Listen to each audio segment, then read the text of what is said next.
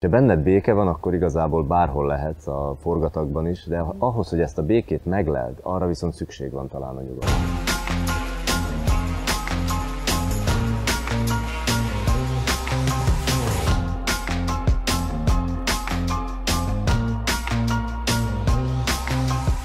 A jó idő beköszöntével sokunkban felmerül a kérdés, hogy vajon merre induljunk kirándulni, kikapcsolódni. Külföldi kirándulásokra sajnos még nincsen lehetőségünk, viszont nem kell az egész világot átutaznunk ahhoz, hogy mesebeli tájakon találjuk magunkat. A belföldi kirándulásokkal pedig azokat a kisvállalkozókat tudjuk támogatni, akik a pandémia időszakában nehéz helyzetbe kerültek. A kérdés az, hogy merre induljunk.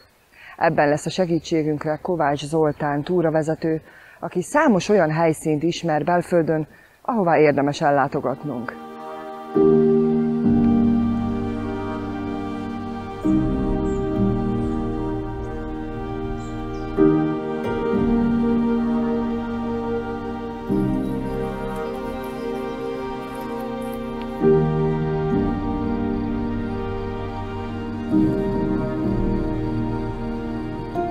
Amikor a járvány elkezdődött, akkor ez, ez teljesen minden, minden bezáródott, és az emberek nem mertek a természetbe sem menni, vagy legalábbis az emberek többsége. És utána eljött az az idő, amikor már elkezdték javasolni is, hogy ha valahova kimozdulunk, akkor, akkor menjünk a természetbe, ne gyülekezzünk, ugye? És ennek hatására ténylegesen sokkal-sokkal több ember jár ki a természetbe kimondottan túrázni. A túrázás iránti kedv az nem most kezdődött el, de ez nyilván ez az utolsó egy évnek az eseményei felpörgették, és egész érdekes az a, az a mód, hogy az emberek, emberek elkezdtek kijárni a, a természetbe. Hozzáteszem az, az miatt is, hogy nem csak a kulturális eseményeket, események értek véget, hanem a sportrendezvények, tehát a sportolási lehetőségek is nagyon beszűkültek. Mit gondolsz, ez így marad a továbbiakban is, ha esetleg visszatér minden a rendes kerékvágásba? Ennyire nyitottak lesznek az emberek a túrázás iránt? Hát nagyon sokan vissza fognak térni a jól megszokott konditermeikbe és a, a többi megszokott tevékenységükhöz, de azt is látom, hogy legalábbis a saját tapasztalataim, a saját csoportjaimmal, hogy akik először jöttek el, és azt mondták, hogy azt, hogy soha nem tapasztalták még ezt, hogy ez milyen jó. És biztosan maradnak sokan, akik fognak, fogják járni a természetet és túrázni fognak. Te amióta az eszedet tudod, túrázással foglalkozol. Mit tanácsolnál az embereknek, hogyan fogjanak bele egy túra megszervezésébe, és merre induljanak? A legtöbb embernek, hogyha már feljön az az igény, hogy ő szeretne kimenni valahova a természetbe, vagy szeretne úgymond túrázni, akkor nem az szokott megjelenni, hogy én túrázni akarok, hanem meg szeretne nézni egy bizonyos helyet. És, és akkor oda, oda neki indul. Nyilván akik ismernek, azok meg szokták kérdezni, szoktak tippeket kérni. És ezek közé tartozik az, hogy ha családom van, ha a barátnőmmel szeretnék, ha szép kilátást szeretnék, nem túl nehezet, és akkor ahhoz képest próbálok én is tanácsot adni ilyen, ilyen esetekben. Melyek a legnépszerűbb helyszínek Szlovákiában? Egyrészt azok, ahova nagyon könnyen oda lehet jutni, tehát egy parkoló közelében néhány percnyi sétával vagy túrázással nagyon szépet lehet látni. Ezek mind, mindenféleképpen, hogyha a tömegeket nézzük, akkor ezek, ezek frekventáltak. Legyen szó a magas tátráról, a kis fátráról, a szlovák paradicsom egy ilyen zóna, de lehetne sorolni most nyilván a teljesség igénye nélkül mondom ezeket, amiről már hallottak, illetve láttak fotókat. És attól is függ, hogy valaki most éppen kezdő turistaként egy nagyon kis tanösvényre szeretne elmenni. Utóbbi időben a lombkorona ösvények nagyon frekventáltá váltak, vagy az úgynevezett via ferráták, ezek a biztosított utak, Szlovákiában is egyre többet építenek ki. Viszont megvannak a régi klasszikusok, akik már sokat jártak a hegyekben, akkor megvannak azok a csúcsok, amit az ember beszeretne gyűjteni idézőjelben, tehát hogy meglegyen ez a, ez a trófea is. Itt a síkságon, itt Csalló közben, Mátyusföldön, tudnál olyan helyszíneket mondani, ha nem is túlra gyanán, de körülnézni? Mondtam, hogy mindig a hegyekbe szeretek járni, és nyilván itt élek a Csalló közben, illetve nem Csalló közben, én Mátyusföldön élek, de sokat járok Szerdehely felé is.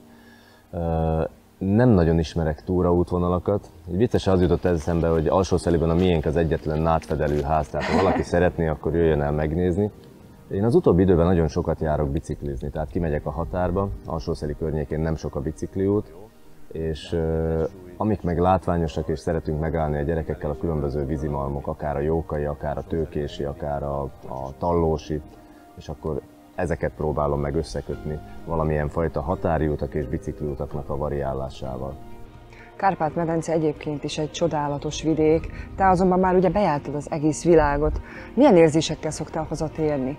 Más szemmel nézel erre a közegre? Messze nem jártam be az egész világot, ez, ez mindig ilyen tévhit, de értem a kérdést, és a Kárpát-medence, tehát akárha csak Szlovákiát is vesszük, valami egészen fantasztikus adottságai vannak, és én ezt már sejtettem akkor is, amikor még nem nagyon jártam másfelé, de azóta én nagyon-nagyon elégedett vagyok, hogy, hogy itt születtem és itt élek. Mindenki azt hiszi, hogy azért megyek el messzire, mert, mert nem szeretek itt lenni, én nagyon szeretek. Talán ez a járvány arra is jó volt, ugye bezárultak a határok, és nagyon sok ember, ahogy már beszélgettünk, kiment, akár a kert alá. És olyan dolgokat fedezhet föl, ha kicsit is nyitott szemmel jár, hogy azt, és hogy ezt nem csak a járványkor jó, vagy, vagy lehet megnézni, hanem, hanem bármikor máskor. A másik meg, amit mond, amiről beszéltünk, ugye, hogy, hogy mik a frekventált helyek. És van az a néhány top természeti látványosság, ahova mindenki igyekszik, vagy a túrázóknak, vagy a látogatóknak a 90-95 a és ezen kívül még van rengeteg-rengeteg olyan túraösvény, olyan akár hegység, akár más. Itt van a Léli sziget, amit én, én nem ismertem. Tehát vannak olyanok is, amiről én nekem fogalmam nincs. Én főleg a hegyeket ismerem. És sportot csinálunk abból, hogy megpróbáljuk azokat a helyeket bejárni és bemutatni néhány túrázónknak, ahova, ahova nem jár. Tehát a mainstream vonalban egész egyszerűen nincsenek benne.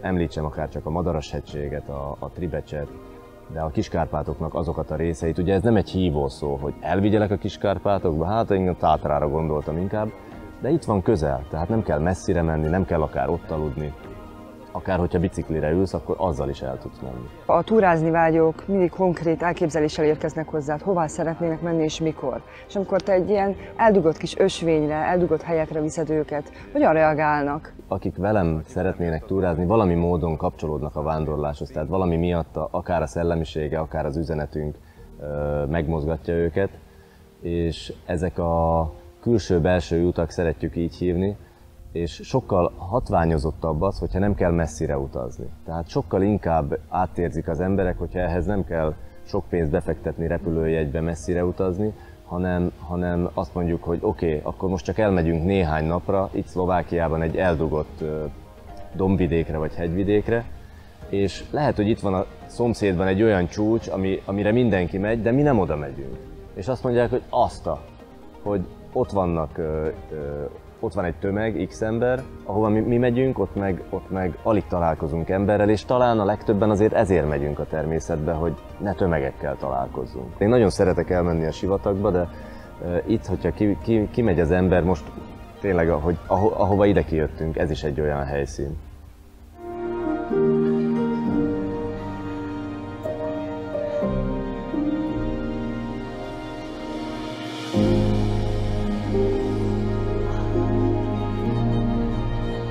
Nyugalom szigetébe csöppentünk szerintem most, és önből is abszolút nyugalom árad. Hogy élte meg ezt az elmúlt időszakot? Mi életünkben sok pozitív változást hozott ez az időszak.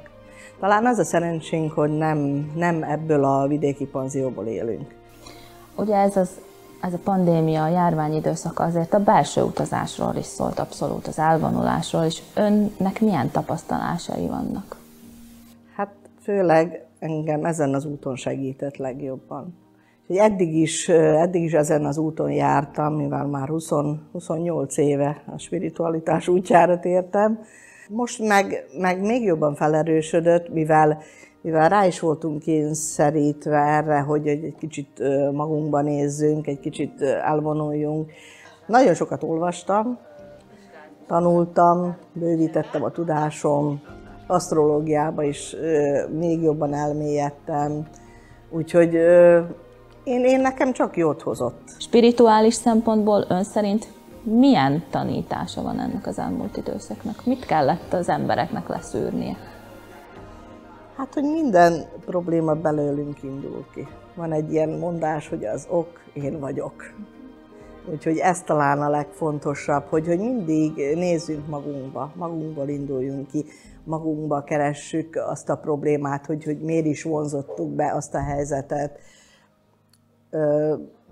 Ne, ne másokat okoljunk mindig, ha bármi történik velünk. Ez a spiritualitás indította el önt azon az úton, hogy létrehozza mondjuk ezt a helyet is? Volt bennem egy ilyen félelem, hogy van négy gyerekem, és, és valahol úgy éreztem, hogy lehet, hogy el fog egyszer jönni az az idő, mikor, mikor együtt kell, hogy lakjunk, mikor rá leszünk arra szorulva, hogy, hogy együtt lakjunk, együtt gazdálkodjunk, és, és szerettem volna egy, egy olyan helyet létrehozni, ahol kényelmesen elfér. Elfér a család, elfér egy pár jó barát, Úgyhogy ez volt az indítatás. Mindig is egész életemben adni szerettem volna az embereknek, és, és úgy gondoltam, hogy létre kell hozni egy olyan helyet, ahol adni tudunk. Adni tudunk nyugalmat, harmóniát, megértést, aki, ahol mindenki jól tudja magát érezni, el tud vonulni egy kicsit.